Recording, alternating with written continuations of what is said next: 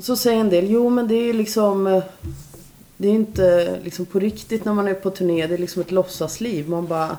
Men är det det? det är, för mig är det ju inte det. Nej. Det är mitt jobb. Ja. Det kan ju vara så här kul hela tiden. Så varför ska jag då nöja mig med att sitta i min soffa och tycka att det är tråkigt?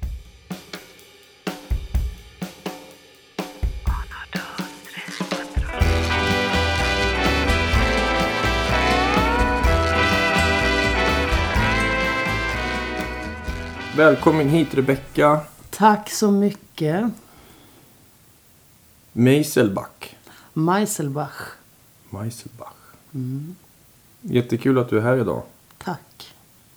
Ehm, och jag tänkte börja med att läsa upp lite projekt som du har varit inblandad i. Ja. Mm, Så att vi får en bild här vad, vad du har Av sysslat vem jag är. Nej, men vad du har sysslat med. ja, det kan vara bra att påminnas. Eh, Men du har i alla fall spelat tillsammans och med Loreen, Darin, Danny Saucedo, Alcazar, Rasmus Sibach, Bobby Kimball från Toto, det är hårt. Beatrice Ellie, Tommy Körberg, Yohio, Silvana Iman, Titio, Jasmine Cara, Kristina Paro, Nicke Borg, Linda Bentzing, Anneli Rudé, Carolina Vugglas, Medina Panetos, Tino, Timo Räsinen, Louise Hofsten, Shirley Clamp, Andreas Jonsson, Niklas Strömstedt, Åsa Ginder, Uno Svenningsson, Nils Landgren, Lill Lindfors, Nisse Hellberg, Ola Saro och Erik Gadd. Och sen har du också varit med i eh, Julgalan och Diggiloo, Doobidoo, Alla Tiders Hits. Och Ja, det där var ju... det är helt galet mycket alltså. Känns som att du spelar en vecka så byter du, eller hur? Ja, nej men jag har ju hållit på i många år och sen är det ju... Några av de där är till exempel från Alla Tiders Hits, det programmet. Och då var det ju många artister i varje program. Så en del har jag kanske bara spelat en låt med. Och några har jag spelat, liksom, kanske gjort en julgala några veckor eller... Mm. Så att jag har inte turnerat med alla de där. Nej, men du är lirad. Du är ju Ja. Malena Ernman, körde ni, körde ni opera då? Alltså jag gjorde en eh, julturné med henne. Eh, och då, alltså, då var den turné, eller, ja, den konserten var uppdelad i liksom två sjok. Så den ena var mer klassisk inriktning och den andra var mer pop och jazzinriktad. Eh, och, så jag var väl med på den där liksom pop-jazz-grejerna. Då spelade jag trumset och lite percussion. Men sen spelade jag med henne på Dalhalla också sommaren efter. Och då hade det utvidgats lite. Då spelade jag inte trumset. Då var det Magnus Persson som spelade trummor. Och jag spelade då perk och det var, skulle vara... Hon ville ha eh, timpani. Jag hade aldrig, aldrig spelat timpani. Vad är det för något? Det är så här konsertpuk, du vet. Dum, Ja, ja, dum, ja, ja. Ja, det bara växte liksom från första gången jag spelat Mm. med henne så blev det plötsligt, ha det var timpani och så var det liksom det, Ja, det bara växte den där riggen. Så jag bara, men det här, är- liksom jag är fel person för jobbet. Jag bara, det här kan inte jag göra. Mm. Eh, så då ringde jag till Malena och bara uttryckte det att Mm. det här tycker jag känns... Jag tror jag är fel person för jobbet helt enkelt. Och eh, hon var inte enig med mig. Utan hon bara, jo du är helt rätt person för jobbet, du löser det där, det vet jag. Jaha. Så då ringde jag till Magnus Persson. Och eh, så berättade läget bara att ja, jag ska tydligen spela konsertpuker här nu, jag har aldrig gjort det. Och han bara, men det är lugnt, jag hjälper dig och vi löser det där och det är inga problem. Och, så alla trodde liksom på mig mer än vad jag själv gjorde i princip. Så jag bara, ja, nej men då kastar jag mig väl över det här då. Jag hade ju liksom inte tillgång till någonstans att öva innan heller. Det är ju ingen som jag känner som har några konsertpuker. Mm. Så det var ju, eh, när jag kom till repet så bara, ja där står de. Jag hade slagit på någon liksom när, under någon musikutbildning. Så här, men, men Magnus Persson, han är, tyvärr lever ju inte han längre, men han var ju liksom en otrolig inspiratör för mig. Liksom dels med det förhållningssättet, för han hade ju kunnat varit så här Nej men, nej men det förstår jag, det här jobbet kan inte du göra. Den inställningen skulle han ju kunna haft lika väl. Men han liksom var ju så öppen och hade en sån otroligt fin syn på musik tycker jag. Mm. Så att han... eh, Ja, men han lärde mig det där. Så vi satt på repet och ja, gick igenom hur man stämde de där, hur man skulle tänka och försökte liksom arra det så det skulle bli rimligt. Mm. Rimlig nivå för mig då. Men jag gjorde det. Fan vad bra. Ja, det... Jag är glad för det nu, men då var det såklart panik. Det var riktig stress alltså. Jag tänkte jag vill inte åka till Dalhalla och, och ehm, spela på ett instrument jag aldrig har spelat på. Men, eh, men Malena är också sådär liksom, det är också storhjärtat tycker jag. För hon, det var också första turnén, då ville hon att jag, jag sjunger ju också. Mm. Och eh, då mm, så ville hon, hon hade släppt precis en låt med Jerry Williams som var en duett. Och så ville hon då att jag skulle sjunga Jerrys delar då. Uh, och det där skulle ju tv-sändas och så här. Jag bara, jag ska sjunga Malena. Jag tyckte det liksom... Uh, och det är en, en annan och lång historia. Men jag liksom hade lyckats få någon så här komplext förhållningssätt till min sång så, där, så att det bara känns obekvämt. Jag är utbildad sångpedagog så att det borde liksom inte vara, det borde vara det minsta bekymret för mig. Mm. Så då hade jag ett snack med henne liksom och sa att jag tycker det är liksom lite jobbigt och, och berättade för henne om mina issues. Så att jag Ja. tyckte det var liksom, ja jag tyckte det kändes jobbigt och så här. Och, ja, nej men hon förstod mig och så här men det här skulle vi göra. Och, liksom st- stöttade mig liksom i det där. Ja. Men det var inte så att hon tog in min ångest utan hon bara så här lyssnade och bara nu ska vi göra det här. Eh, och sen då så var det Dalhalla den här konsertpuke-gigget. Då så får jag ett mess av henne några veckor innan vi ska börja repa. Och då skriver hon eh, och så ska vi sjunga den här duetten. Och det var liksom inga frågetecken. Det var inte vill du eller så här. Och jag fattar ju att det är en stor sak att få sjunga en duett med henne. Mm. Eh, men det, ja, jag, jag kände liksom inte så här, gud vad kul och vad jag vill göra det här. Utan det var liksom motstånd. Tyckte det var, ja, jag var väl rädd, I guess. Ja. Men jag bara, okej det här är självklart att jag måste göra det. Så att, ehm, ja, då sjöng vi en ABBA-låt tillsammans då där på Dalhalla också. Så det var verkligen ett gig som jag, var utmaning på utmaning. Vilken låt körde ni? Vi körde, eh, vad heter den? Chiquitita. Ja, just det. Det är ju svängigt. Ja, absolut. Nej, men det är... Så att jag tycker det säger mycket om henne. Att hon, både hon och Magnus Persson som jag berättade om, båda Ja. de har en, liksom, en inställning till musik som är fri och skön. Och liksom de känslor som jag liksom precis Mm. berättade om, som är med motstånd och att det är svårt kanske, eller rädslor och så Mm. här. Det känns som de, deras förhållningssätt är mer bara frihet och vi provar så här och strunt i noterna och vi bara liksom Mm. ja, men kör på lust och, och det var ju liksom, det är ju helande tycker jag att få arbeta med sådana musiker. Det måste ju vara skitkul om du står med en hel park med en massa percussion och bara fan den här är rolig. Nu- Ja, men underbart. Älskar det. Ja, jag förstår det. Bara, Ja. Åh, den här vibraslappen. Och bara, åh. Ja, eller hur? Ja, liksom. Vad skulle du säga att ditt yrke är? Liksom, du har ju så många, du är ju allt på en gång här känns det som nu. Mm, just det.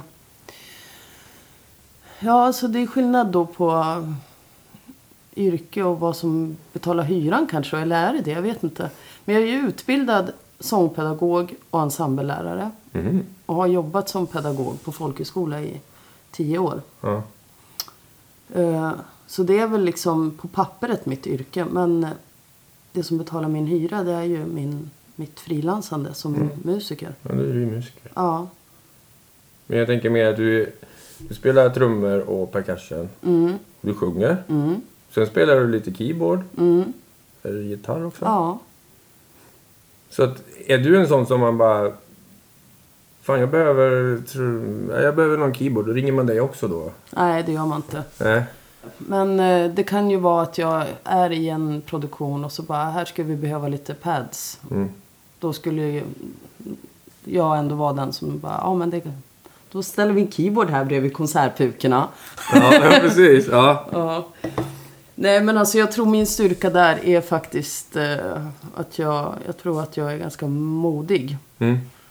Eh, jag säger ändå, jag säger ja och sen löser jag uppgiften bara. Men det är det man gillar med sådana frilanskollegor. Ja. Som bara, jajamän. Ja. Ja, men jag tror att det är faktiskt... Eh, ja, det, dels gör det jobbet dynamiskt. Mm. Och sen... Eh, det, ja, jag tycker det är en, en bra inställning. Mm. Sjunger du lead samtidigt som du spelar trummor också? Nej. Inte Phil Collins? Så här. Nej, jag gör inte det. Mm. Det kanske kommer. Ja, din solo. Mm, precis. Ja, nej det gör jag inte. Jag sjunger ju inte solo alls längre. Ja, förutom det jag berättade nyss. Men, men köra gör jag ju Ja. mycket. Det är ingen så här eh, hjärteprojektband som du spelar med dina kompisar och kör? Nej. Nej. Alltså, för några år sedan så var det ganska Då sjöng jag en del liksom, mingeljazz och lite sådana grejer på lite bröllop och så här. Mm. Och det kan jag faktiskt känna att ah, men ett sånt band skulle jag nog kanske... Det skulle jag tycka var nice att ha. Mm. Uh, kanske en trio med så här piano och kontra och lite trummor så här och spela lite standards. Mm. Skulle du sjunga och spela samtidigt då? Nej, då tror jag bara vill sjunga. Ja, Ja, ja vi frontar lite. ja kanske. Ja, Fast det är ju, ja. Jag tänker just, jag tänker mingeljazz att då sitter jag på någon stol och lite soft. Den här frontbiten den är inte så intressant för mig. Nej. Och sen föreläser du lite också? Ja, precis.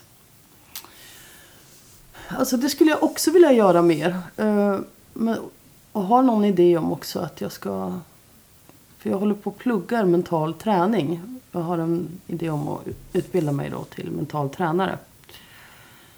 Och det har jag liksom, skulle jag vilja så här, binda ihop med musiken då och föreläsa om det på något sätt. Men jag är inte klar med den utbildningen så att det är en process jag är i det där. Eh, Men eh, jag får liksom fråg frågor liksom från olika skolor om jag ska komma dit. Och, och, och eh, då säger ju jag ja tydligen. Mm. Ja, vad bra. För det är så jag jobbar. Så att det har liksom blivit, jag har haft en dröm om att jag vill föreläsa men jag har inte tagit tag i det. Men det har kommit till mig ändå. Mm.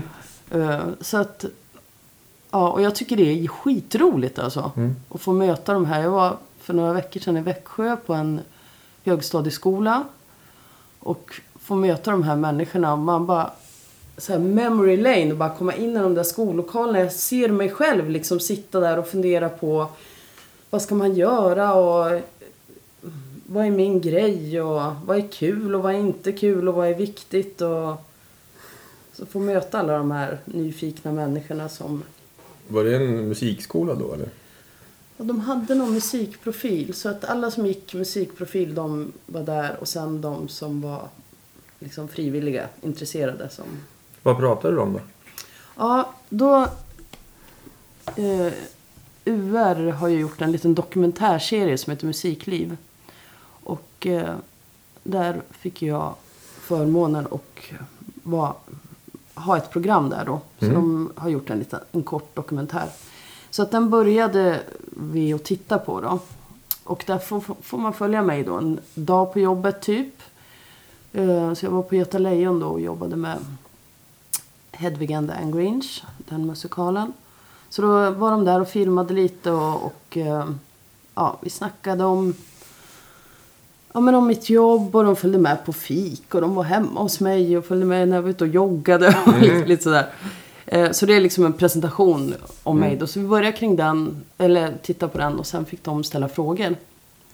Eh, Och det var, det var de som anlitade mig, det var liksom deras upplägg. Så ville de att vi skulle göra. Kolla på den och sen att de skulle ställa frågor.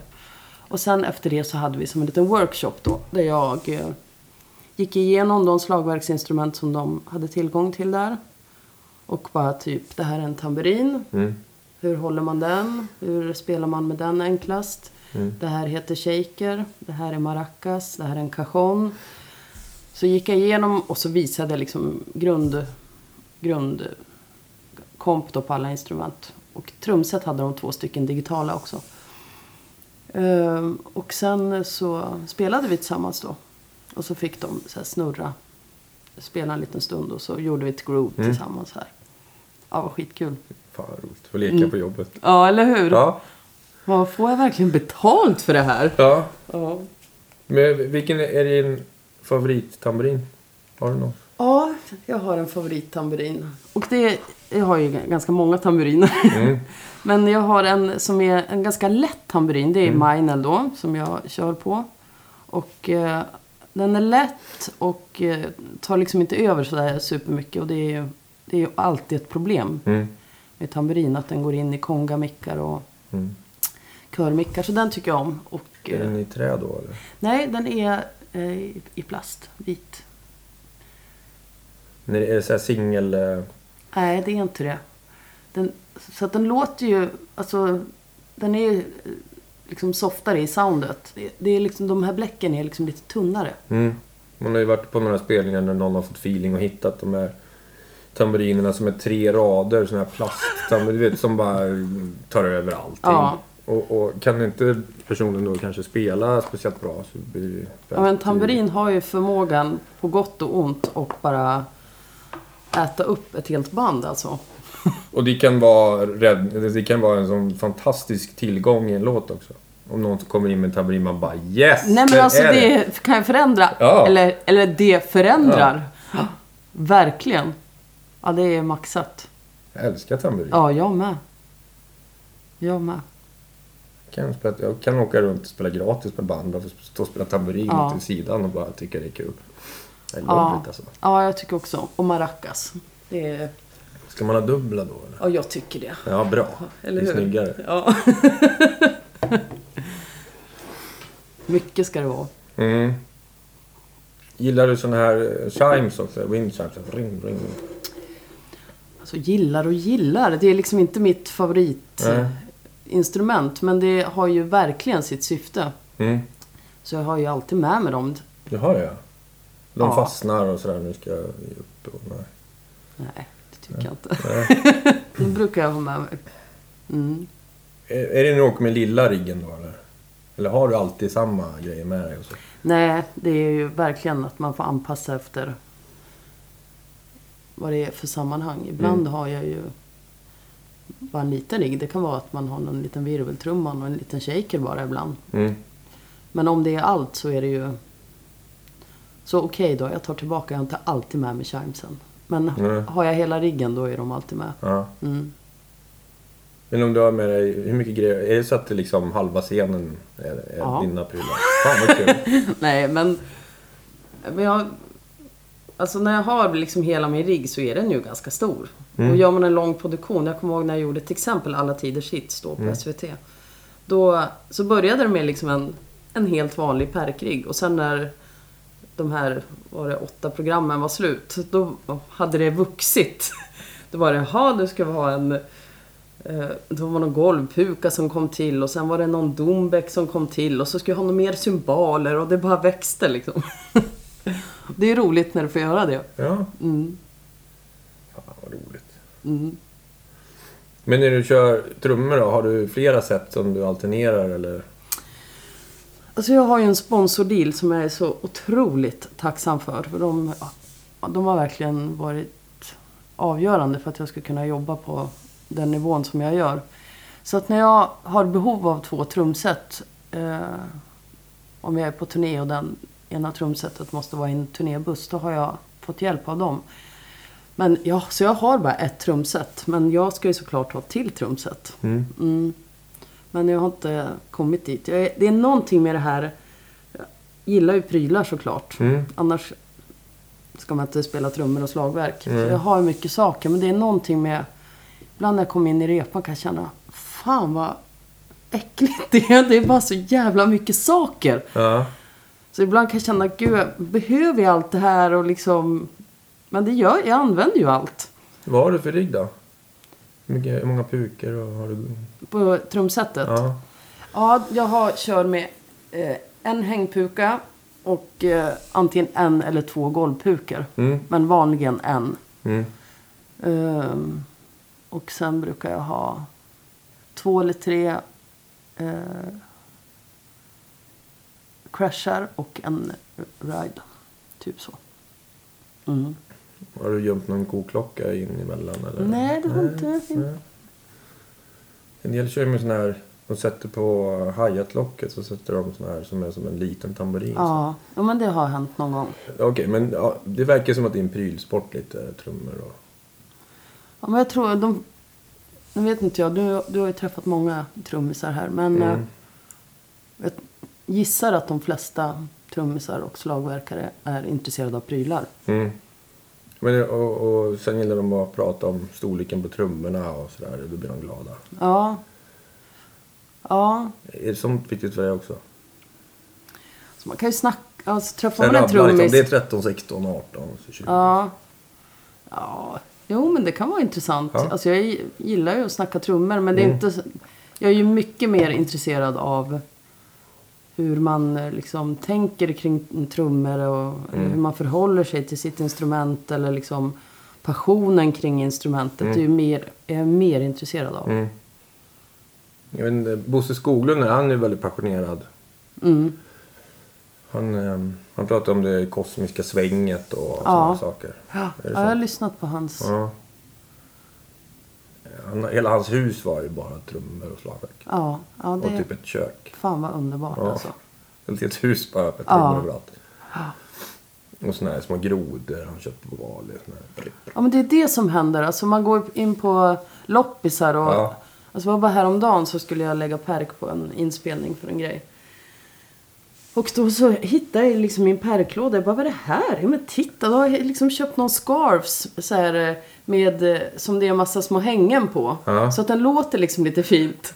Så sånt händer ju när man går på ja, men loppmarknader och annat. Att man, ja men den här kan man ju slå lite på. Eller undra hur den här, man hänger den och någon, någon skal eller det är någon... Ja, man blir kreativ.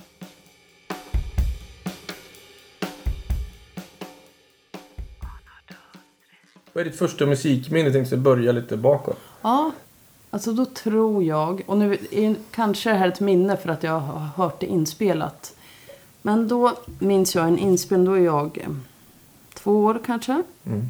Och eh, då så sjunger jag till en låt och det är den här mm, Das Lied der Schlumpfe. Jag bodde ju i Tyskland i Okej. den här åldern. Ja. Eh, så det var en, alltså en låt om smurfar. Som jag tyckte om. Ja. Där refrängen var något så här... Na, na, na, na, na, na, na. Det var liksom ingen text direkt. Nej. Eh, så det minns jag tydligt att den där tyckte jag om.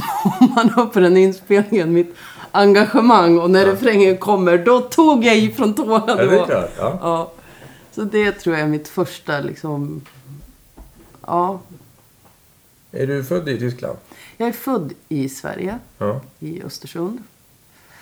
Men flyttade till Tyskland när jag var, undrar om det var, jag tror att jag var ett år kanske.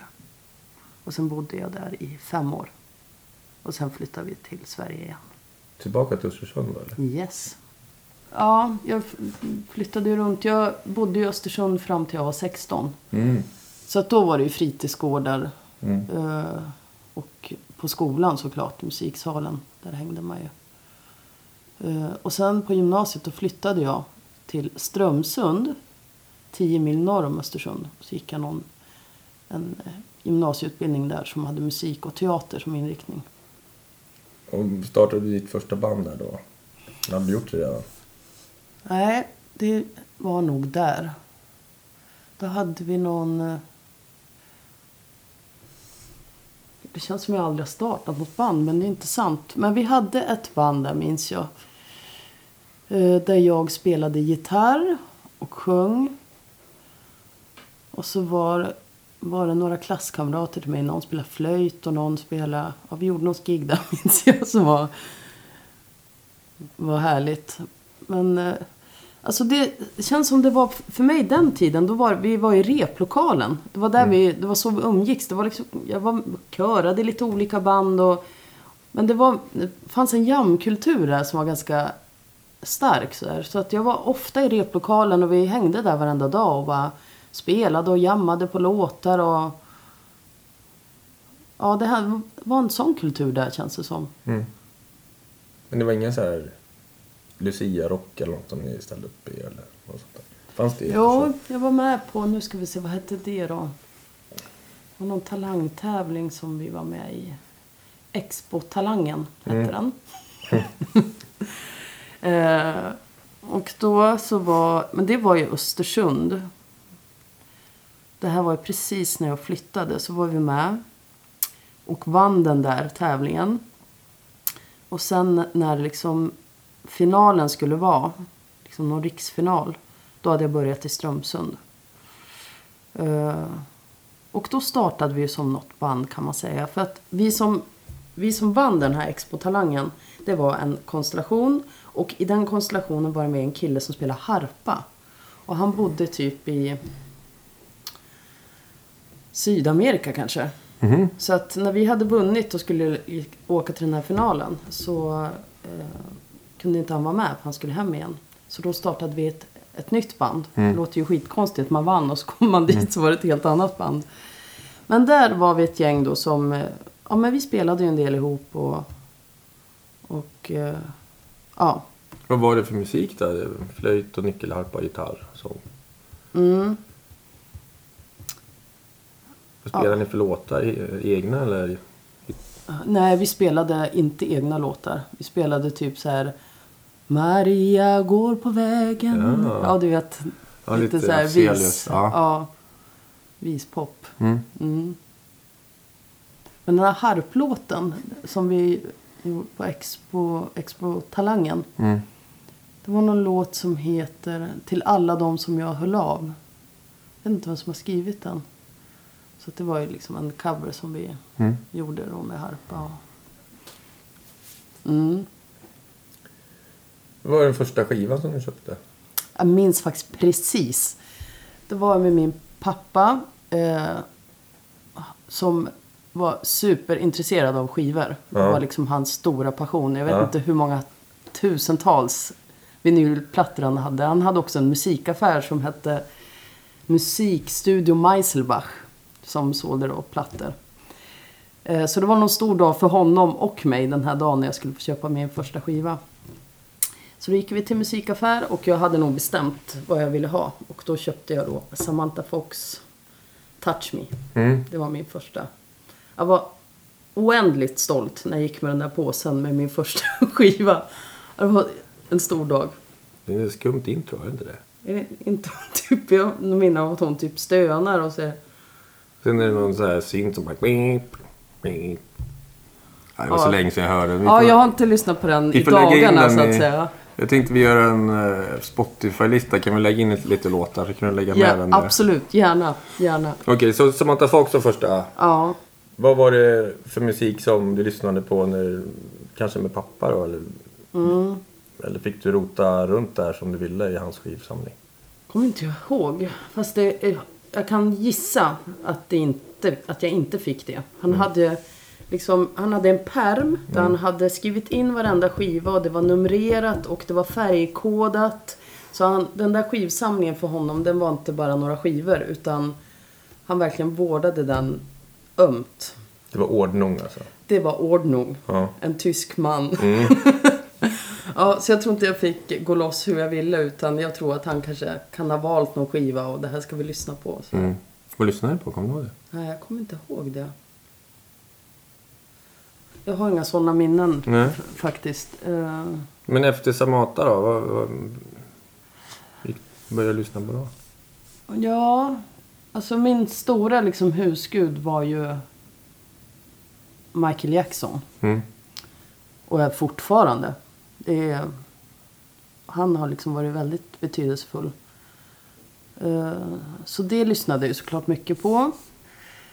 Och sen man försöker se de här blandbanden. Man Mm. hade, det var typ så här Kylie Minogue, Phil Collins och ABBA vet jag. Mamma lyssnade mycket på ABBA.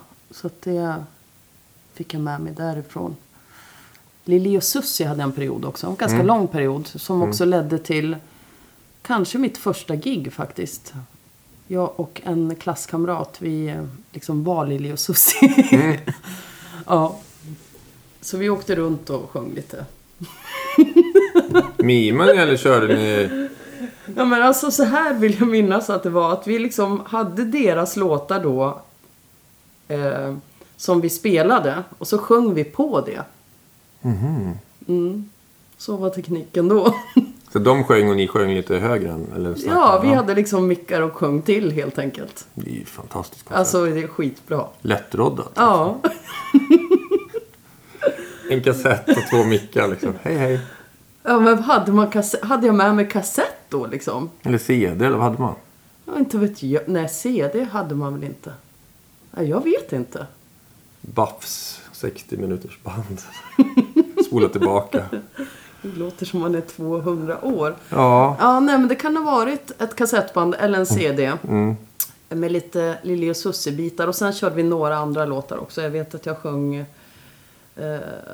en Phil Collins-låt. Eh, som jag tyckte om. Jag undrar. Kan ha varit typ Another Day in Paradise eller något. Ja, så lite... Vart spelade ni de här? Ja, men då var det... det här är så roligt. Men vi var typ så här någon hembygdsgård i Oviken. Mm. Typ så. Eh, mitt minne är ju att det är typ bara pensionärer i publiken. Och så kanske det var, eller så var alla kring 30-40 och så kändes det som pensionärer. Mm. Ja, men jag minns att vi eh, liksom efter... Det måste ha varit där i Oviken. Så vet jag att jag fick blommor och så fick jag ett kuvert. Och där, det kanske var någon hundring där i. Och jag minns... Alltså, jag tror att det här är mitt första... Alltså, min första spelning. Att den där känslan att jag fick liksom blommor och pengar för att jag hade liksom sjungit lite grann. Lite låtar som jag tyckte om. Det var... Jag vet ju inte idag hur, liksom, hur mycket av den känslan som liksom har varit betydelsefull. Men jag, jag kan känna inuti liksom fortfarande hur stort det var att de hade liksom köpt blommor till mig för att jag sjöng lite. Det var ändå speciellt. Det är klart det blir ihop på det. Mm. Så turnerar ni länge med det här projektet? Ja, du vet vi åkte ju världsturné då som Lili och Susie. Nej men vi höll på ganska länge ändå. Jag vet vi var väldigt engagerade i det här med kläder och det skulle liksom vara lika då såklart. Så vi höll på ganska mycket med det där och våra föräldrar var också engagerade och köpte liksom lite när de hittade något och så här coola byxor som vi skulle kunna passa dem. Och det var höga luggar, du vet med sockervatten just i det, och just det. allt det där. Ja, det var ju... Var det bråk om vem som skulle vara vem? Eller var det liksom förutbestämt att vem som var Lili och vem som var Susie? Eller? Ja, jag minns inte. eller var alla liksom Lucia? Nej. Nej, jag tror... Jag har för mig att... Jag vet inte om jag hittar på det nu, men jag tror att jag var Susie. jag minns inte exakt, jag tror det. Mm. Jo, men vi kunde de där danserna, så vi dansade ju också då såklart. Eh, och ja, nej men det där var ju... Ja, det var superviktigt. Fan så ung och... Det är ju kul. Men fick ni alltid pengar eller fick ni så en bulle på något ställe och blev lite så här... Ja, säkert. och bara fan fick inga pengar. Vad fan är det här? Fick kuvert sist. Ja, ja. grejer i där. Ja. Ja, det är roligt. Och sen när jag flyttade till Stockholm, det 2009 flyttade jag hit. Mm. Då, ja, det känns som jag hade bara bott här några veckor. Då fick jag ett gig med Lili och Susie. Så att det är liksom verkligen, ja, det var roligt. Sa du det till dem då att om någon av er blir sjuka så då... då... Jag kan liksom de här stegen och de här låtarna. Det är inga Ja. problem. Jag har kassett med mig Ja. så att det är inga problem. Och sockervatten. Precis. ja.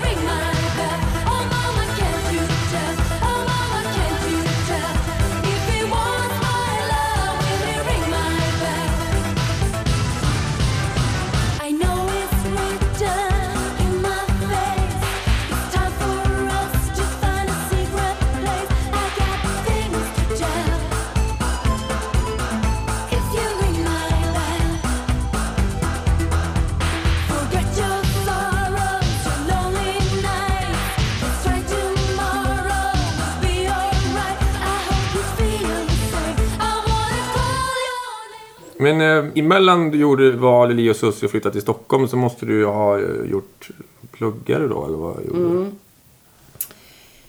Efter gymnasiet så gjorde jag lite olika saker. Jag var i au pair i Tyskland ett år. Sen började jag plugga. Eh, Jag gick på Skinnskattebergs folkhögskola två år. Mm. Sen gick jag på SMK. Eh, Fryshuset. Nej, det låg vi i Münchenbryggeriet, Stockholms musikkonservatorium. Eh, Memus, Just det. mm, den finns inte längre. Nej, jag gick också där. Är det sant? Mm. När då? 2003 till 2004 kanske? Okej, då var jag före dig. Ja. Jag gick 2000, 2001. Ja. Ja. Då var du redan ruttad. När jag... Precis. Mm. Eh, och sen flyttade jag till Örebro och gick musikhögskolan där. Jävlar vad du pluggar på. Alltså. Jag vet. Tio år har jag pluggat musik. Och inte nog med det, tio år har jag pluggat sång kan man ju säga. Och jag vill inte sjunga idag, jag vill spela trummor. Men gjorde du allt det på samma gång? Att du bara trummor, bas, gitarr, sång? Ja, I början var det ju så. Alltså, Det känns... När jag, om jag tänker på hur det börjat för mig så var det verkligen gitarr och så var det trummor och, och det var sång. Och det, men det var allt. Jag hade intre- intresse för alla instrument. Men sen när man sökte folkhögskola var man tvungen att välja något. Och då vet jag att jag ville välja trummor, men jag vågade inte.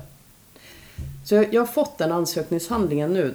Eh, vad jag hade skrivit där. Och då har jag skrivit att jag spelar mycket trummor och, och att jag är intresserad av det. Men jag sök, sökte på sång då och då.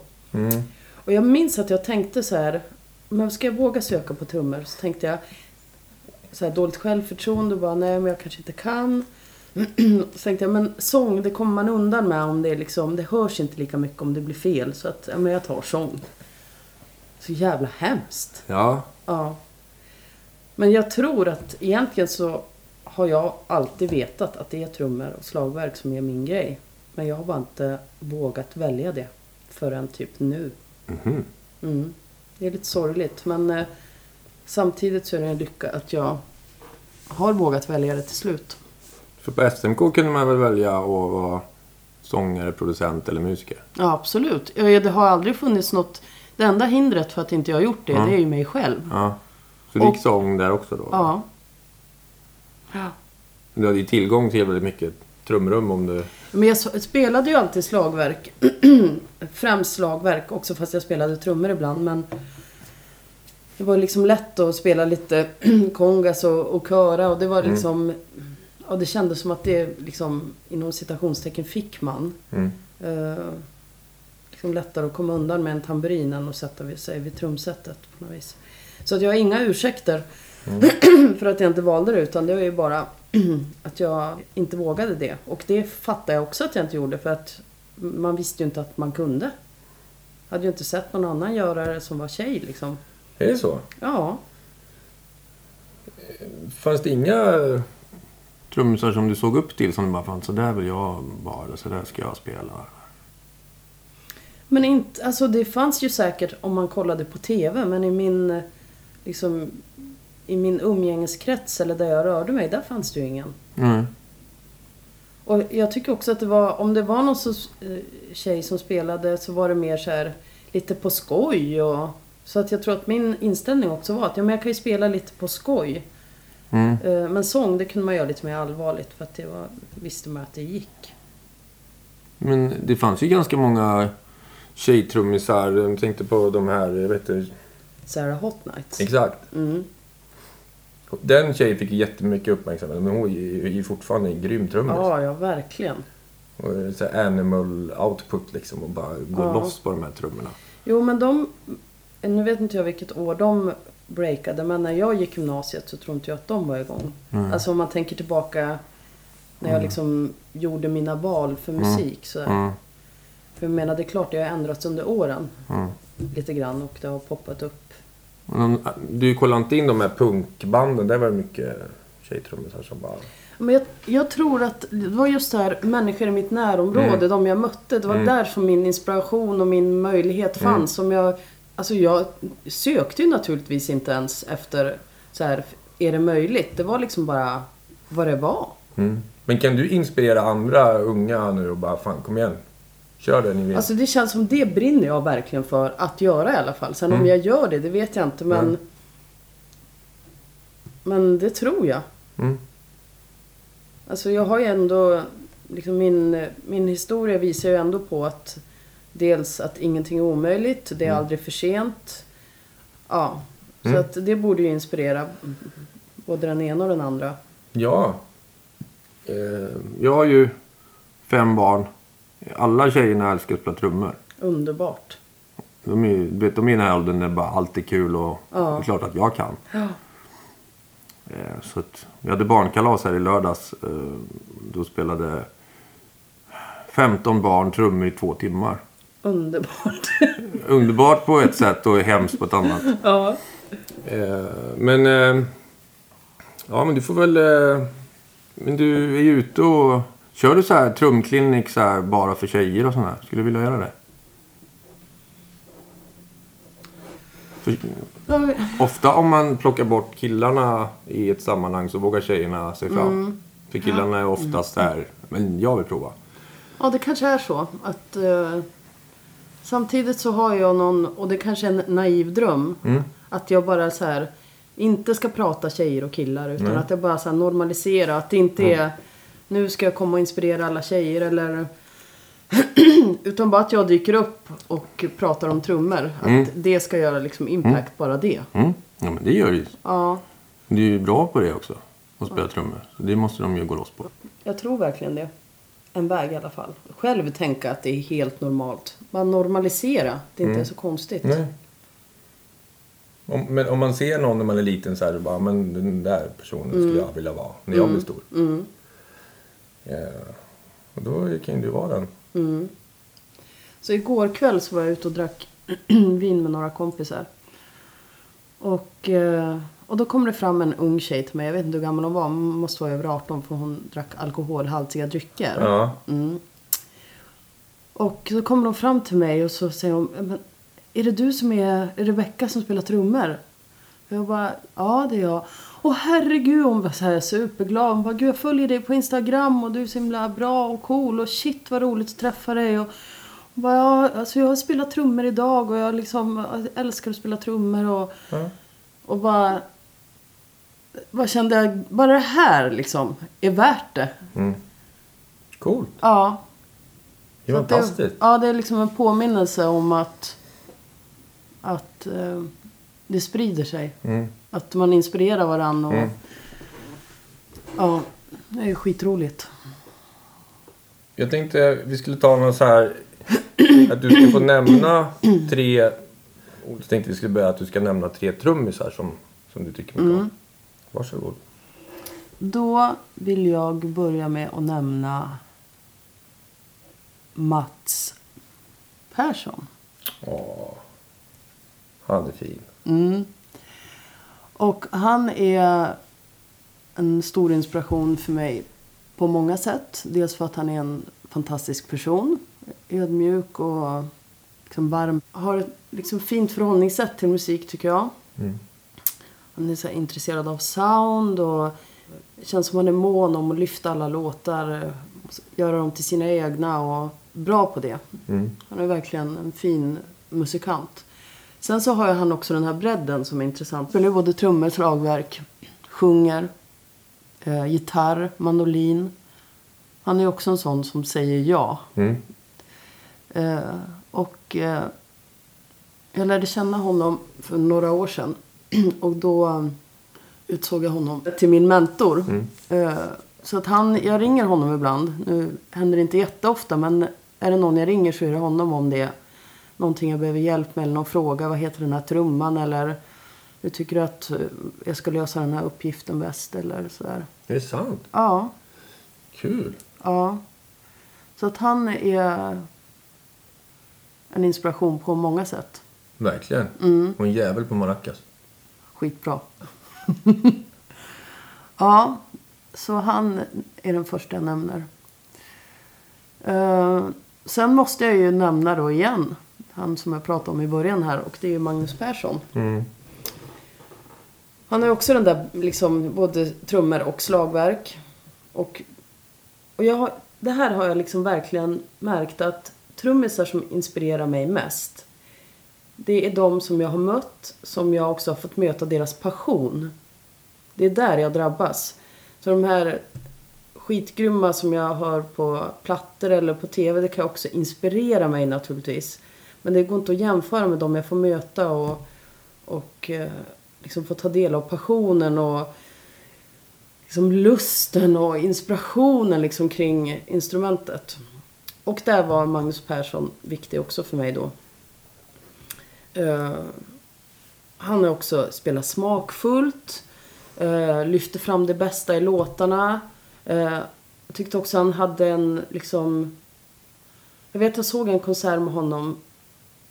Det är ju jättelänge sedan. Jag kanske var 15 år sedan eller, eller mer.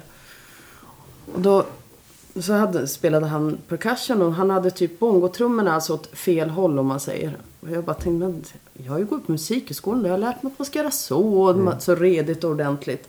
Men han liksom, musiken först på något vis. Ja, det känns som han skapade musiken utifrån det som hände inuti honom, verkligen i stunden och formulerade det också på olika sätt och gav mig lite, när vi spelade ihop så var han han bara, bara gör dig själv så busy du bara kan. Se till att bara spela mycket och gör dig busy och bara utveckla allting och han... Han var lekfullt liksom, allting. Och vid trumsetet så hade han lite liksom eh, trianglar och han, la hade, han hade saker att göra, liksom såg till att han hade att göra. Och det tycker jag också var en inspiration att han, det fanns inga rätt eller fel. Det behöver jag lära mig som har pluggat så mycket. Det är faktiskt en skada tycker jag som jag fick från musikhögskola och sådär. Att det är rätt och fel hit och dit. Det vill jag försöka skaka bort och bara Det är spela. en konstig inställning till musik. Ja visst är det det. Ja. Ja men jag kan frågasätta verkligen undervisning. Mm. I den aspekten. Mm. Jag tänker när jag undervisat också, så fort någon har spelat en låt så ska jag liksom lyfta vad som inte funkar för att de ska utvecklas. Det är så här inte produktivt istället för att bara okej det här funkar jättebra, det bygger vi vidare på. Att man lyfter det som funkar. Mm. Ja, så utbildning är på gott och ont. Jag ångrar inte att jag har utbildat mig men jag måste också jobba med att hitta tillbaka till varför jag började och Mm. lekfullheten och inte vara så pretentiös. Nej. Jag vet inte, känner du, känner du till han Lindvall? Ja men det är klart. Han sa att han har ju lekt hela sitt liv och han gör det fortfarande. Ja. Det är det som är grejen. Ja. Jag spelar ju med hans bror, Sven Lindvall. och eh, sist jag trä- träffade honom så, så frågade jag så här, ja, ja, hur är läget och vad har du gjort sen sist och så här. Han bara, jag hade sånt jävla gött jam igår. Eh, som jag kände mig uppfylld av liksom. Jaha, så vad var det då? Nej men då så hade han jammat hemma med typ fem barn. Som hade liksom fått ett varsitt instrument. Någon hade någon trumpet och någon hade något, det ena och det andra. Eh, ja, och så uttryckte han liksom vad han älskade det att det var liksom ja, men lekfullt och bara i stunden och, Mm. och deras nyfikenhet och han bara var uppfylld av det där. Så att det, det ligger väl i familjen. Det är Förlåt. eh, Din tredje eh, trummis? min tredje trummis. Mm, ska vi se. Det är många man kan välja mellan. Mm. Okej, men då får jag säga nu då. En som jag träffade för några veckor sedan. Och det är eh, John Robinson som ju hade klinik på slagverket. Mhm. Eh, känner du till honom eller? Nej, berätta. Ja, han eh, spelar, spelar ju bland annat med Michael Jackson. Och Chaka Khan och ja, han har ju spelat med alla. Wow. Ja. Och han hade en klinik på slagverket och då liksom där han snackade lite och spelade lite. Och då spelade han bland annat, nu ska vi se vad heter den? Rock with you, den låten. Eh, är det han som spelar på då, på inspelningen. Så han berättade lite om hur det gick till i studion där. Och, eh, och så spelade han också eh, låten. Och det som är med de där låtarna är ju, alltså det är typ inga fill. Nej. Utan det är liksom, det är bara ett gött groove som Mm. bara pågår i all oändlighet och så kommer det typ ett fill som bara är så jävla grymt. Mm. Och så tillbaka. Och det berättade han ju också att ja, det var någon låt man hade spelat in. Han bara, jag, satt bara, jag spelade bara det här kompet i typ 20 minuter liksom. Det var det som, som var. Eh, och han... Eh, för det pratades en del om hur mycket övar du och liksom teknik och vad behöver man kunna och folk är nyfikna. Och då så sa han det att eh, It's all about emotions. Mm. Apropå det här som just att möta folks passion. För att han satt och spelade de här låtarna och log. Mm. Jag bara insåg, alltså han har ju spelat i, vad kan det vara då, 40 år. Och han spelar väl alltid den där Rock With You liksom för att alla känner till låten. Och han, men bara såg, han älskar det där. Så det var sann inspiration alltså. Jag bara fick så här, googla upp massa grejer på honom efteråt och, och sen till repan naturligtvis och prova. Ja. men det där såg inte så svårt ut men det var ju, ja. Ja, han är fantastisk. Ja. Svängigt, bra och, och verkar också ha en grym inställning till musik. Det tycker jag är viktigt. Det brukar de flesta av de allra största ha. Ja, Jag tror inte det är att man blir lika berörd om det är någon som bara är duktig liksom. nej. Men det hörde jag, var det Bosse Skoglund som pratade om det? Om just det här, Unga trummisar som går typ på ja, Vackis. metronom, Mm, eh, sjukan och att det liksom inte... Ja, att det är viktigare att spela tight än att spela liksom organiskt Mm. eller i stunden eller... Ja, så visst. Och de bästa trummisar som jag vet, de har ju inte pluggat musik utan de har ju... De har ju suttit i replokalen. Namn som brukar komma upp så är det ju Livon Helm till exempel. Mm. Ja, han har inte pluggat så mycket Backis tror jag. Men eh, kan du nämna tre eh, sångerskor eller sångare då som du, som du inspireras av? Då vill jag börja med att säga Erika Badu. Mm. Och henne liksom blev jag bekant med ganska sent. Eh, Det var den här skivan Baduism, en liveplatta. Det var en kille som jag var ihop med då som bara, den här måste du lyssna på. Eh, Jag hade liksom inte hört den typen av musik Mm. ordentligt. Eh, Så spelade han det där för mig. Jag bara, men är det här möjligt? Jag tyckte det var så jävla bra. Nu är det ju sångerskor jag ska prata om. Men jag har ju alltid varit liksom fastnat för just så här svänget och groovet. Och, och även hon liksom med, med ja, svängig sång och uttrycksfullt och liksom. Så att hon var ju väldigt inspirerande för mig liksom, när jag började sjunga och lyssnade mycket på det där. Spelade mycket liksom, de låtarna och ja, jag tyckte det var skitbra. Och just att det var så här trio bara. Mm. Och så hon och två körsångerskor i och för sig. Skitbra platta fortfarande, svinbra tycker jag. Mm. Eh, Så hon var viktig. Men alla de här liksom Nina Simone, Rita Franklin, Sarah Vaughan, Ella Fitzgerald. Alla de där har ju också varit viktiga såklart. Eh, Och där har du uttryck. Ja, precis. Men det, igen, märker jag nu, det kommer tillbaka. Det är någonting när det är så otroligt tydlig passion. Mm. Jag tror att det, det drabbar mig verkligen. Mm. Alltså som vi pratade om innan också med så här, att vara entreprenör och brinna för saker. När jag sa att jag, du, du verkar liksom som en driven person. Mm. Alltså det är typ det coolaste jag vet. Människor som vill någonting. Mm. Och om jag får, får möta det i musik, då dör jag alltså. Jag Ja, tycker men man vill ju leka med folk som vill leka. Liksom. Ja. ja men det tror jag är...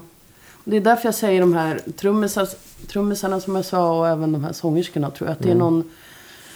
Liksom någon drivkraft i dem eller någon passion i dem som ja, bara tar tag i mig. Och Michael Jackson igen då som också har varit en inspiration både sångmässigt och musikaliskt. Också extremt driven med vad han liksom gjorde under sina år. Ja. ja men Thriller-inspelningen, han, bara, vi, han skulle ju kassera den. Mm. Då var nej du har gjort världens bästa skiva. Ja men min producent tror inte att den här kommer sälja liksom 30 miljoner ex eller något sånt där. Så skulle han ju bara slänga den. Vi börjar om. Är det sant? Ja, hörde det.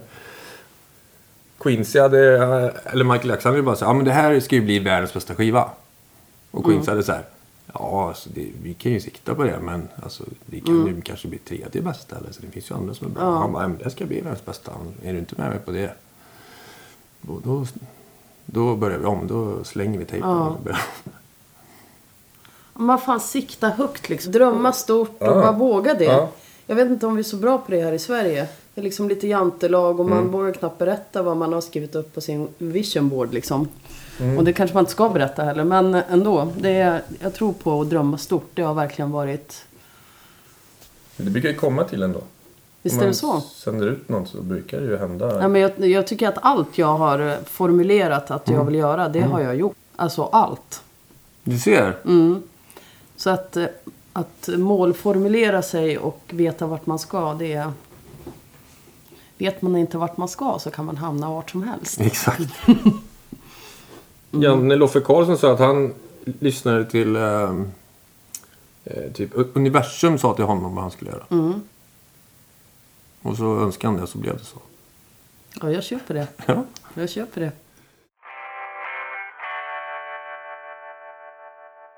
Tre artister eller band eller så här som du går loss på då?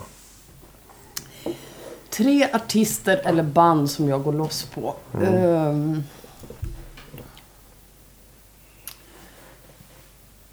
Grejen är att det har varit så här de senaste åren att jag lyssnar liksom ganska lite på musik. Förutom det jag ska, liksom, de projekt jag är i. Mm, jag förstår det. Eh, en del lyssnar på musik hela tiden. Uh, men det är som att jag behöver typ lyssna på meditationsmusik. Om det är något. Men om jag tänker plattor som har varit så här ändå som har gått varma hos mig genom åren. Så har vi bland annat eh, John Mayer. Mm. Och då ska vi se, då är det en platta där som heter eh, Room for Squares. Den har jag lyssnat på många gånger. Mm. Där är också lite live, live eh, versioner som jag lyssnar in som är... Ja, det är, och det är också skitbra trumspel. Det är, ja, och han är grym och jag tycker det är skitbra musik. Och nu har jag haft en period här när jag... En, en kompis med mig som heter Kajsa Sik. Vet du vem det är? Ja, absolut. Mm. Hon har ju precis släppt en platta. Och eh, så lyssnade jag på den så bara kunde jag inte sluta lyssna på den. Så den har, det är den senaste nu då som snurrar när jag är ute och promenerar och Mm. jag tar den om och om igen. Så är det ju också. Det är inte så att jag lyssnar på tio plattor om dagen utan det är liksom en platta i tre månader. Mm. Så jobbar jag. Mm. Ja, man måste få in den i systemet. Ja, precis. Det är bara äter upp den. Ehm, Ja, hon är fantastisk. ja. Jag producerade ju en, eh, en låt med henne för eh, TV. Hon skrev musik till en, en dikt Mm. Som heter Havet sade. Och Hon spelade, hon kom in och spelade så jävla bra gitarr också. Ja. Fantastiskt ljud och liksom sjunger så alla grina. Mm. Och så, ja, det är grym alltså. Men har du lyssnat på den Domino? Den, Ja, ja. mm. ja men jag köper allt som, eller lyssnar på allt. John Mayer och Kajsa Sik. Mm, det var spridda skurar. Ja men det ska det ju vara. Det ska det vara. Då ska vi se om jag kan toppa den här. Mm. Göra en jävligt bra trio här. Ja, men då tar vi den här. Alanis Morissette. Det är ju länge sedan som duell. Den skivan var också, var också så här stark kvinna som bara sjöng rock och Mm. var bra låtar och så cool musik tyckte Mm. jag. Och, så den har, jag också lyssnat mycket på. Jag vet jag köpte de där noterna och när jag undervisade var det mycket liksom... Jag återkom till henne hela tiden. Av olika anledningar. Ja, Mm. ja, jag köper det 100 procent. Fan vad bra. Ja, hon är grym. Mm. Ja. Var det här 90-tal eller 2000-tal? Nej, 90 måste det vara. Mm. Om vi snackar lite milstolpar då. Är det någon så här turnéer och så här som du kan komma ihåg extra varmt? Så alla turnéer och alla liksom... De får ju något speciellt över sig såklart. Man har ju fina minnen och roliga minnen. Eh, Nu kom jag på faktiskt min första turné som jag var på. Mm. Den ska jag berätta om nu. Då var jag 17 år. Gick på gymnasiet. Mm. Och så skulle vi ha praktik på skolan. Det här hade ju alla. Och då hade jag kommit på att jag skulle göra praktik med ett band. Eh, och eh, då blev det att jag åkte med ett dansband som heter Jannes. Trevligt. Med Mm. Z då? Säkert. Ja. Det ska vara så. ja. Jag kommer, inte, jag kommer inte ihåg vart vi åkte, men jag följde med dem på den här turnén då. Eh, och då, då var det så här. Eh, vi skulle... Alltså jag var inte med på scenen, jag var bara med på turnén. Men jag fick vara med på scenen, men jag tackade tydligen nej till det. Mhm. Då minns jag första kvällen som vi var någonstans uppe i Norrland. Eh, Så skulle vi göra oss i ordning så här på, innan gig. Så de gick till sin loge och jag hade fått en egen. Det är så jobbigt. Jag typ skäms. Jag skäms verkligen över det här. Men nu är det så länge sedan. Ja, så jag går och liksom byter om och tog på mig det som jag tyckte var liksom snyggast och vad som var modernt då. Och det var, jag hade ett par svarta byxor, jeans kanske. Så hade jag någon vit blus av något slag. Och sen hade jag en svart, svart skinnväst. Det var liksom modernt. Eh, ja, och sen så ska vi samlas allihop. Och när jag möter dem så har de exakt samma kläder. Alltså det var deras scenkläder. Fan. Det visste ju inte jag. Och de trodde ju såklart att jag liksom hade kollat upp det här och försökte vara likadan. Och det var inte så. ah, gud vad jag skämdes. Jag bara, gud byta om. Och ja, ja, det var riktigt jobbigt. Men du var aldrig med och gjorde något på scenen? Nej, men de frågade mig om jag skulle sjunga någon låt sådär då. Eh, men jag vågade aldrig det. Nej. Det är synd. Men att de lät dig följa med, det var ju fantastiskt fint gjort. Eller hur? Jag vet inte vad jag skulle svara. Så här, Hej, det är en tjej som är 17 vill åka med på en turné här. Ja, vad Ja. ska hon göra då? Liksom? Ja, eller hur? Får hon det för sin mamma och pappa? Ja. Var ni borta länge på den här turnén eller? Nej, men vad hade, jag tror jag var med på några gig liksom. Jag kommer inte ihåg riktigt. Men det var inte så att det var någon hotell. Alltså det var inte att jag var borta några veckor. Utan jag tror att jag kom hem varje kväll kanske till och med. Ja. Ja, det var min första turné. Med Jannes. Jannes. Mm. Men annars ska vi se då. ehm, 2015, Ola Salo. Det var en fantastisk turné. Den var liksom familjär och härlig och trevlig och rolig och skitbra musik och ja, det var en ja, skitrolig turné. Vad lirade du då? då? Vad? Ja, vilket instrument? Eh, trumset. Trumset. Ja. Vilka andra var med i bandet då? Var roligt. Ja, då var det Viktor Widfeldt på gitarr. Mm, Cecilia Linné på cello och elbas. Och Jon Bordon på keyboard. Det var liksom lite så här, lite barn som följde med och det var liksom en sån typ av stämning som var ja, men familjär, du vet. Innan tänkte man ju, men ska vara med en massa barn? Hur ska det bli? Och det var verkligen en positiv överrask överraskning. Det var så här, ja, det skapas ju något härligt när barn är med i bilden. Det är liksom, Ja. Men det var verkligen kul på scenen och av scenen. Det var liksom... Ja. Är, det, är det svårt att komma hem eh, efter turnén? Jag hatar det. Ja. tycker det är hemskt. Ja. Fruktansvärt. Ja. Det är liksom turnéblues. Alltså Ja. det är verkligen... Det är något när man är på turné. Det är som att fylla år. Men det är så här födelsedagskalas varenda dag. Och Mm. God mat och trevligt och massa människor och skojigt. Och man får spela. Och så kommer man hem så är det inte så. Inte så. Nej. vad, vad gör du åt turnébluesen då? Hur, hur kan man förkorta den? Ja, alltså för mig är det ju jag typ så här springer. Det är bara ut hela tiden. Jag liksom pallar inte vara hemma. Eh, och sen har jag också varit så här, när det har varit riktigt så här tung turnéblues som det har varit ibland. Då har jag liksom varit en känsla av att jag inte, jag vill inte träffa människor som inte har varit i samma bubbla. Mm. Så jag har liksom haft lite svårt att träffa mina nära vänner. För att jag har liksom känt, ja, det är något att jag vill vara kvar Mm. i bubblan. Så jag vet inte hur man kan förkorta den. Det är väl kanske bara fatta. Turnén är slut Rebecka. Nu är det över. Nu är det annat och då träffar du dina vanliga kompisar och gör vanliga saker. Mm. Ja, det är svårt alltså. Ja, jag tycker det är... Ja. Och så säger en del, jo men det är liksom... Det är inte liksom på riktigt när man är på turné. Det är liksom ett låtsasliv. Man bara... Men är det det? det är, för mig är det ju inte det. Det Nej. är ju mitt jobb. Ja. Det kan ju vara så här kul hela tiden. Mm. Så varför ska jag då nöja mig med att sitta i min soffa och tycka att det är tråkigt? Mm. Men vad gör du då? Ringer du runt och bara hej nu har jag inga gig. Ja. Eh, Jaha, när det gäller gig. Men ringer du bara fan jag kan sitta in på Ängelen och spela. Nej, usch, jag är dålig på det där. Då skulle jag faktiskt behöva typ... eh, Det var någon som sa till mig, men du måste ha li- lite mer liksom... Ring runt till folk och säg att du kan liksom ta jobb och... Mm. Jag är inget bra på det där. Nej. Vet inte. Men du har ändå spelat med 10 000 svenska stora artister. För du är ju frilans, då måste man ju nätverka. Ja. Hur gör man det då? Ja men det, där är jag en, jag försöker ju gå på spelningar eller gå på ställen och liksom hooka upp med folk och Mm. Det har man ju fattat är en viktig sak såklart att vara Ja.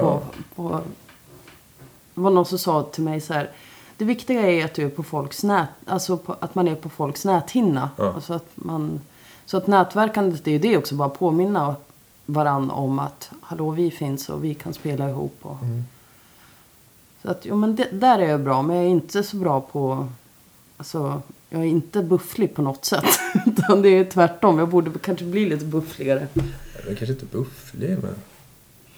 Ja, men jag hör om folk som bara, nej men de ringer, ser det så här, ja nu ska den här produktionen göras. Så ringer de dit och bara, tja behöver ni någon som spelar det och det? Det ska jag aldrig göra. Men det är man kanske är mer företagsam eller inte bufflig. Bara tjena jag har spelat trummor, behöver ni någon? Ja. Kanske bara ja!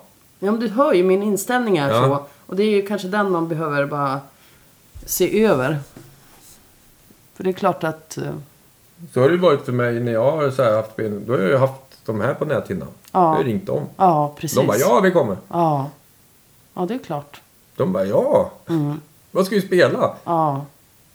Och, och de som är gladast de frågar aldrig ens vad de får för gage eller de glömmer fakturera. Du vet. De bara ja, Ja. det är gig, ja, Ja, ja, det är roligt, ja. Så här liksom. Ja, fan vad underbart alltså. Ja.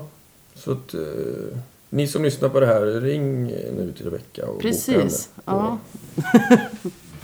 Och Alla tänkbara gig. Har du sagt nej till några gig sådär som kände att det här är inget för mig för att du inte kände att det var rätt? ja, det har jag gjort.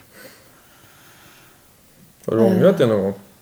Ja, men det är några nej som jag har sagt som jag faktiskt ångrar. Eh, Men jag försöker vila i att jag sa nej av en anledning som säkert var bra. Men, eh, nej, men jag försöker ju säga ja till det mesta såklart. Men det har hänt att jag har fått förfrågningar som har känt att det här är inte min genre. Eller jag tycker inte att sammanhanget känns rätt. Eller det kan också vara att det är för mycket jobb för för lite liksom, utdelning. Typ 40 låtar en kväll och för lite betalt. Mm. Då kanske jag hellre vill vara ute och springa och Jag fattar det. ja. Så är det ju ofta så här, ja men det, vi har de här 63 låtarna. Mm, Vi kanske spelar 25 av dem, men det är bra om vi kan. jag vet. Men lär man sig inte mycket då? Om man hoppar in. Jag har ju hoppat in i en del situationer som jag, ja, men det, jag har aldrig gjort förut, men det har jag har lärt mig en massa. Men så är det ju alltid såklart. Så att jag menar, det är inget gig man har gjort ångrar man ju. Nej. Det är ju som att gå och träna. Ja, exakt. Det är, så att så är det ju. Men ibland så kanske det liksom bara står i relation till, ska jag den här veckan planka 30-40 låtar? Eller ska jag den här veckan meditera och promenera och eh, formulera något nytt på min vision board? så kan det vara. Men eh, överlag säger jag ja. Men det har hänt att jag säger nej såklart. Vad står det på din vision board nu då? Jag vet inte om jag vill säga det. Nej, det måste du måste inte. Nej. Men det står stora saker där ändå. Mm. Ja, det står ju liksom inte... Spela på Stampen. Ja, men det skulle kunna ingå i någon. Mm. Men alltså jag, jag, alltså jag drömmer så stort jag orkar. Alltså jag, Mm. Nej, men jag har lite såna här... Jag, skulle, jag har till exempel aldrig gjort någon Europaturné eller Mm. spelat i USA eller... Sådana grejer skulle jag vilja göra. Så om det är någon som lyssnar som, som behöver en percussionist på en eh, Europaturné eller En. USA-sväng, då ringer ni mig. Eller Ja. trummis. Eller gitarrist, eller för flöjt kanske. Jag kan väl... Ja, du, är du vill ju turnera helt enkelt. Jag vill, jag vill åka på turné. Ja. Spela musik. Ja. Mm. Eh, Så det är ju ändå något som jag eh, kan nämna. Det är på min vision board. Men då kommer det ju hända då kanske. Det är klart. Ja, det kommer hända. Mm, det kommer hända nu. Vi får se när bara. Det kan man inte styra, men det kommer ske. Ja, precis. Vad Men kul det ska bli. Jag längtar. Ja, jag med. Ska också önska det nu. Ja, det tycker jag. Vad är den bästa konserten du har sett? Gud vad svår fråga. Ja, det är meningen. Kan man svara på det? Ens? Det är det som är så roligt att ställa till musiker. Ja. Är ju tokiga. Men vi får välja tre då. Om det är lättare. Ja, jag, jag, kan, jag får nog välja de som, jag, som bara kommer upp. Några år sedan. Tåström. På någon festival. Och eh, jag spelade där med Ola på samma scen. Men vi hade spelat. Eh, och han skulle spela. Så vi stod, stod liksom på scenen. Eh, och tittade från sidan. Och jag liksom. Har ju såklart alltid vetat vem han är. Men jag har liksom inte gått in i hans musik på något vis. Och, men eh, så vill jag se det här gigget då. Och bara han kom liksom, när han bara går upp på scenen. Jag bara, alltså vad är det för energi kring honom? Man bara nä, nä, liksom nästan knockas bara av hans uppenbarelse. Mm. Eh, ja, och sen spelade han då. Och det var fantastiskt. Det var liksom... Han byggde upp någon stämning som var... Ja, jag kände mig otroligt drabbad av det där. Vi drack lite kava samtidigt. Det kanske hjälpte till, jag vet inte. Ja. Men jag tänkte, fan det här gigget vill jag ha. ja. ja, det var en stor upplevelse. Så om Härnestam bryter armen så då, då tar du gig. Ja, ja, det gör jag gärna. Mm. Det går bra. Ja. Har du någon mer rolig konsert? Mm. Men då minns jag Erika Badu, Annexet. Jag vet inte jag när det var. Det är länge sedan. Jag minns att hon- kom, alltså det var, giget var typ två timmar försenat eller något. Det var så här. Ja, man står kvar och är angelägen helt enkelt. Mm. Jag hade träningsvärk i mina vader dagen efter för att jag hade stått på tå så mycket. Uh, ja, det var också stort. Fett band, maxad upplevelse. Och nu kom jag på ett gig till som var också viktigt. Och det var Erik Östersund, G3, någon klubb. Jag kanske var 18 år då, fick precis komma in. Och det här giget var faktiskt avgörande för mig, vill jag hävda. Men det vet man inte riktigt. Alltså jag hade med mig minidisk som man hade på den tiden. Och spelade in det här giget. Ja. Eh, jag var liksom helt såld på den där konserten. Alltså jag, var, när jag gick därifrån så tror jag, jag vill mena att jag då tog beslutet att det här ska jag göra. Bra! Ja. Och jag ville spela med honom då såklart. Det har du gjort. Och nu har jag faktiskt gjort det. Och det är så roligt för när vi hade gjort första giget med Erik. Så sa han till mig efter giget så här. Fan Rebecka vad du har lärt dig körerna så jävla bra. Alltså det är inte klokt. Du bara kan alla texter och det var verkligen liksom bra instuderat här. Det är liksom, bara kan alla stämmer och det är bara hur jävla bra som helst. Så jag bara ja, jag har ju övat på de här i 30 år. så att det är därför. Fan mäktigt. ja. Men lägger man överstämmer på honom eller? Man måste ju inte det. Han, vi har ju typ samma register han och jag. Ja. Ju- Han, eller han sjunger ju högre än mig. Ja, men det är ju mycket falsett. Helt Mm. klart. Eller får du lägga alla understämmer då? För han ligger ju nästan där uppe rätt ofta. Ja, men det är- mycket att man dubbar och Mm. eh, liksom oktaver och så är det Mm. lite... Ja, men det är både över och under och hej och hå. Fy fan kul. Mm, ja, skitroligt. Ja, så den konserten får man väl ändå säga. Den var betydelsefull. Ett gig som du har gjort då som du kommer ihåg som bara det allt stämde och det var extra roligt. Ja, men då tror jag vi säger i somras faktiskt. När vi, när vi gjorde, körde vi en sväng till med Ola.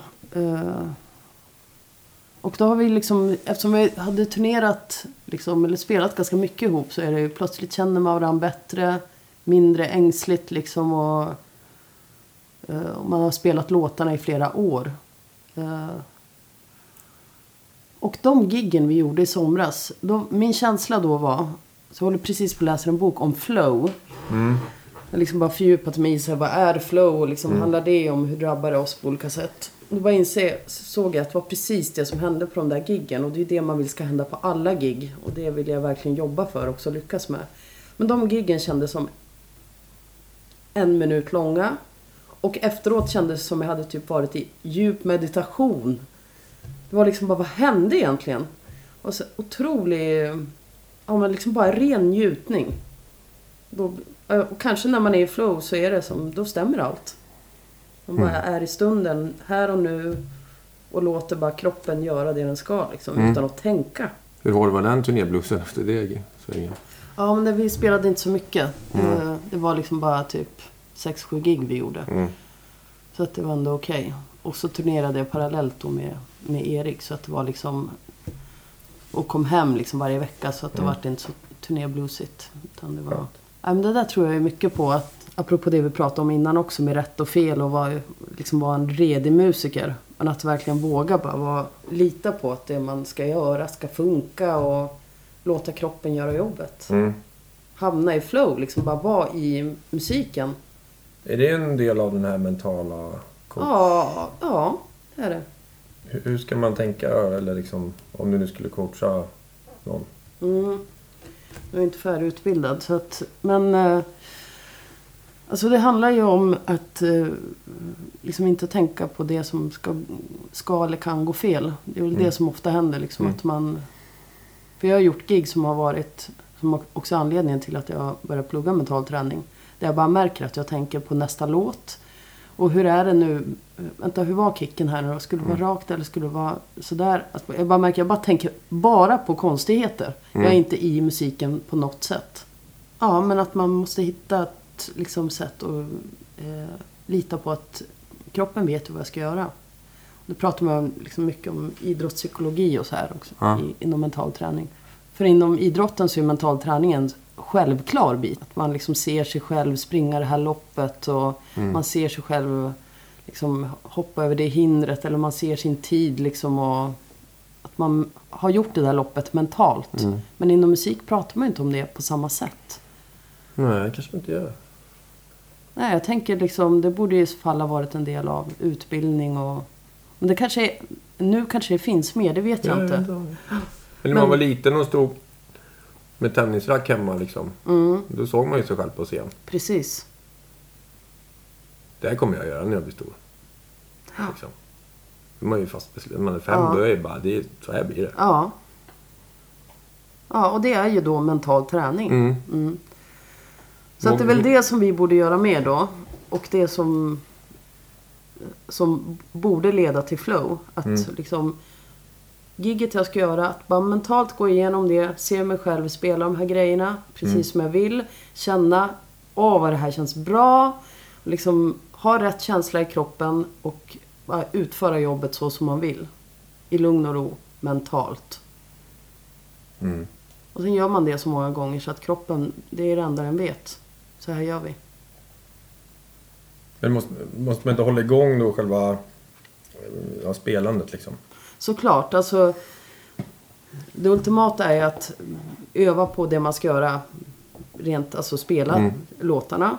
Och mentalt parallellt. Mm. Så att man gör både och. Det har visat sig då i forskning vara den liksom, ultimata inlärningsvägen. Liksom. I like to dedicate this to all of the Creator's righteous children.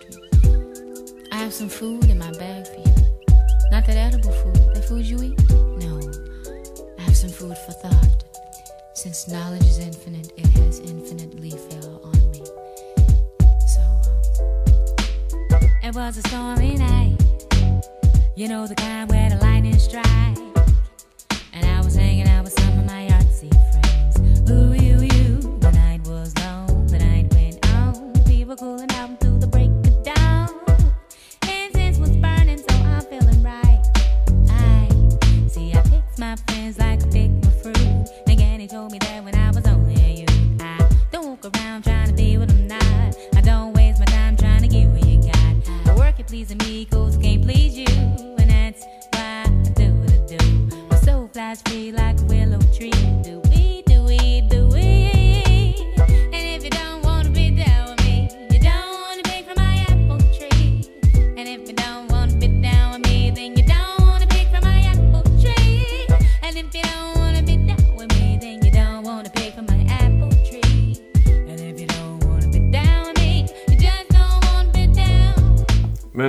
Vem skulle du vilja spela med då? Kan du inte nämna någon som du bara, fan, det vore fett?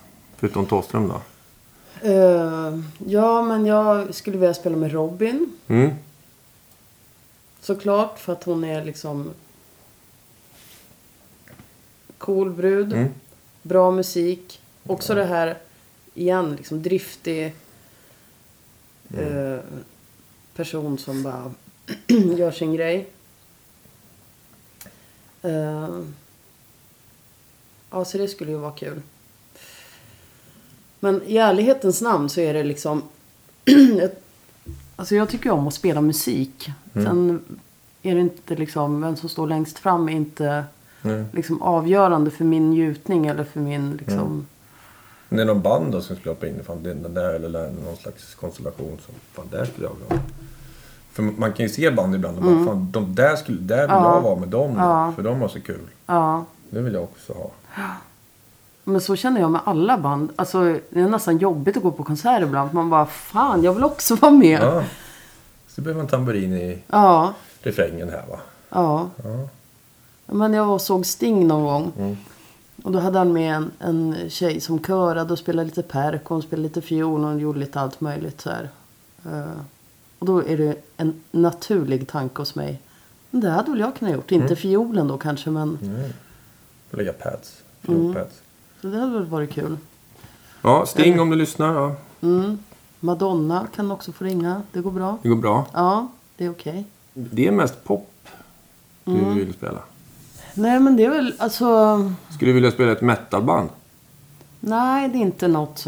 Det är inte med in på min vision board. Nej. Nej. Hårdrock? Ja men det har jag spelat. Ja. Det tycker jag är kul. Alltså band kanske skulle vara kul liksom. Att vara med i ett band. Mm. Varför inte? Men det är liksom pop, rock, soul. Det är väl liksom där jag Mm. främst har rört mig. Du är ju med i det här husbandet på Doobidoo. Ja, Det måste ju vara ganska brett. ja det är det. Hur ser liksom repsituationen ut? Hur många låtar sätter ni och hur spelar ni in allt under en vecka? Eller är det... Ja, det här var det då. Det var el- 12 program jag var med på 11. Mm. Eh, repperioden var under en månad. Så vi spelade in 11 program under en månad. Och då så eh, ser en dag ser ut så att man eh, mm, bandet repar två timmar på morgonen. Och då är det två musiknummer i, i varje. I Doobidoo så är det två musiknummer och sen är det var det ett medley vi skulle sätta. Och sen var det lite så här små jinglar och så här. Så att man spelar igenom allt som är nytt. Eh, och sen är det med artisterna en timme. Eh, varje artist då, en timme var. Och sen är det kamerarep en halvtimme med varje. Och sen bandar man program, eller genrep och sen banda programmet.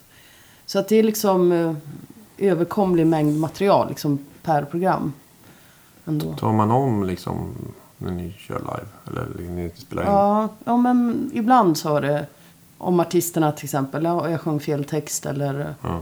så det hände. Men inte så, det hände bara några gånger. Ja. Så överlag så var det från A till Ö bara. Det är ganska olika människor som är med. Nu tittar jag inte på det varje dag men... Nej, nej, det är ju inte bara musiker utan det är ju skådespelare Ja, och komiker och alla möjliga. Nej, det är ju Mm. skitroligt. Alltså det var en väldigt rolig inspelningsperiod. Jättefint band och liksom superfin, liksom alla i produktionsteamet. Och det var också i Göteborg. Jag har inte jobbat i Göteborg. Jag tyckte det kändes... Liksom, man märker att det är lite mindre och, och de har ju gjort det där, spelat i det där bandet många år. Mm. Så att de är liksom, känner ju varandra väl och sådär. Så det var... För på tv ser man mest blåset. Ja, just det. Det är tre blås ifrån. Eller Två, två är det. Ja. Mm. Ja. ja, Får gästerna välja låtar själva eller blir de tilldelade? jag tror de väljer själva. Så det kan bli precis vad som Det helst. kan bli precis vad som helst. Och det har det blivit också. Det är ju... Ja. Alltså vi spelar ju typ Barbie Girl. Och sen var det någon musikal låt. Eh, ja, det kan bli vad som helst. Det är skitroligt tycker jag. Det är, det uttryckt också i, liksom i, i bandet att vi ska göra våra versioner. Och att alltså man behöver inte planka och göra precis som det är på inspelningen. Utan att man får vara fri och liksom tolka det som man vill. Och det är ju, tycker jag, är skönt. Mm. Liksom ett härligt sätt att förhålla sig till musiken. Så man måste inte göra precis det som är. Mm. Ja, men sådana där jobb tycker jag är roliga. Det är liksom på samma plats, riggen är, står där, måste inte rodda. Nej. Eh, och det finns en så här gemensam angelägenhet om att det ska bli bra och så här. Det finns det ju alltid men Mm. det är ett format som jag tycker om att jobba i. Kommer du fortsätta göra det giget? Eller är det säsong, säsong? Eller hur funkar det? Ja, nej, det, vet, det där vet man ju inte. Nej. Det, alltså de, de får tydligen veta det väldigt sent. Ha, liksom, de har gjort det där i är det, 13 år eller något. Så de sa det, men vi får veta det här typ i februari om vi får jobbet igen. Mhm. Så att jag har ingen aning. Det vore såklart skitroligt men det är inget jag räknar med. Jag Nej. räknar aldrig med någonting. Det är, varje jobb jag får är, firar jag ändå. Det är, Mm. Ja, det, blir, det blir inte blasé alltså? Absolut inte. Nej. Absolut inte. Jag är liksom... Det var en kompis till mig som inte är musiker. Hon sa till mig en gång så här. Alltså blir alla, är alla så där glada och tacksamma för varenda jobb de får så här? Och det kan inte jag svara på. Men så är det verkligen för mig. Varen, Alltså det kan vara ett enskilt gig.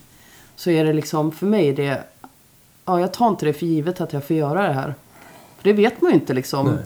Vi får väl se om 15 år. Hur det Det gick. Precis, och det är det som är skillnaden kanske mot folk som har vanliga jobb. De är glada om de får jobba lite. Ja. Medan vi är så här, om vi får spela mycket, det är det roligaste i världen. Jag vet.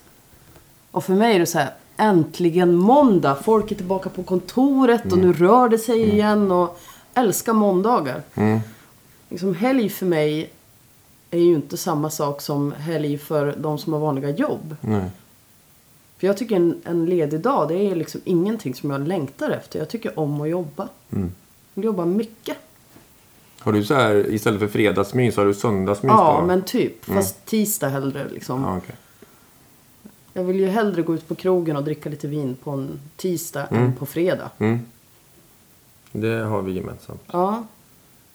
Bra där. Jag vill dricka vin när jag vill dricka vin, inte för att det är fredag. Ja men det är exakt så där. Ja, Men så tror jag det är. det är liksom, så fungerar jag nog i alla områden. Att jag bara... Jag vill inte göra bara det som förväntas utan jag vill göra det som jag vill. Måste man äta liksom lunch vid 12? Det är som när man är i Berlin. Då kan man äta frukost fram till fyra på en restaurang. kan man ju inte i Sverige. nej. Utan det är liksom så. Nu är klockan 10. Då är det lunch. Mm. Det ska du veta. Ja.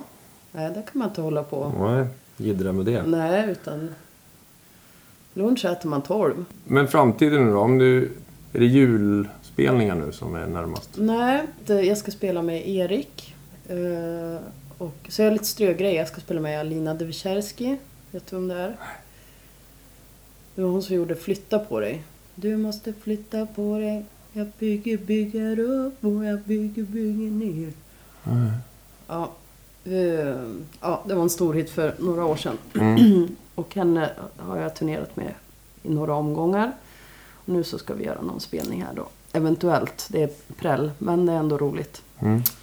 Eh, och sen är det lite föreläsningar eh, som jag ska göra. Och sen håller jag ju på med mitt plugg då. Så att det är liksom fram till ja, resten av det här året som jag vet. Mm. Sen ska jag göra teater i vår. Det har jag inte gjort förut, så det ska också bli roligt. Vad är det för uppsättning då? Ja, då heter den... Eh, jag tror att den heter Taube Today. Så det är, det är på Västmanlandsteatern. Jaha. Nej, Västmanland, ja. Eh, och då... Jag vet inte så jättemycket om det, men vi ska tolka Taubes musik. Och jag har hört skisser på de här låtarna och det är liksom jävligt skruvat. Mm. Alltså det är så här... Man bara, alltså vad händer här? Det är så här skevt och konstigt och så här supermycket elektroniska ljud och liksom... Jag tror jag kommer få jobba mycket med loopar och... Ja, ja det blir, kommer bli en utmaning. Och så är det trumset också, så det är både perk och trumset. Och sen är det tydligen så här någon blandning mellan... Typ, någon sa cirkus i kör och en, en teaterkonsert typ. Så att det kan vara lite att då flyger du iväg i luften där med någon trumma i handen. Och, så att vi kommer vara på scenen och vara liksom en, en del av föreställningen. Shit vad spejsat. Jag vet. Och det är så här galna kostymer och... Ja. Men jag vet, det här är bara liksom, vi får se. Västmanlands teater. Ja, När har ni premiär då? var det 17 mars tror jag. Mm. Är, Västmanlands, är det i Västerås då eller? Eh, Västerås och sen ska vi också spela i Uppsala. Ja, det blir väldigt spännande. Hade du den på din moodboard? Eller din uh, wishboard? Ja, Jag ska också börja, jag ska börja Ja. imorgon med en sån. ja absolut. Måste bara få, eh, liksom eh, göra den eh, eh, ordentligt, det är viktigt. Mm. Bilder ska Mm. du ha Mm. och text. Och text. Mm. Mm. Så när du ser de här så ska du liksom... Du ska skapa minnen av framtiden. Mm. Du ska nästan... Ja, det är som en dagbok. Mm. Mm, Ja, jag ska göra mitt bästa då. mm det tycker jag. Då vill jag tacka dig för att du kom hit idag. Tack själv. Kul. Det var jättekul att snacka med dig. Detsamma. Ja. En stor applåd för Rebecca! Woho!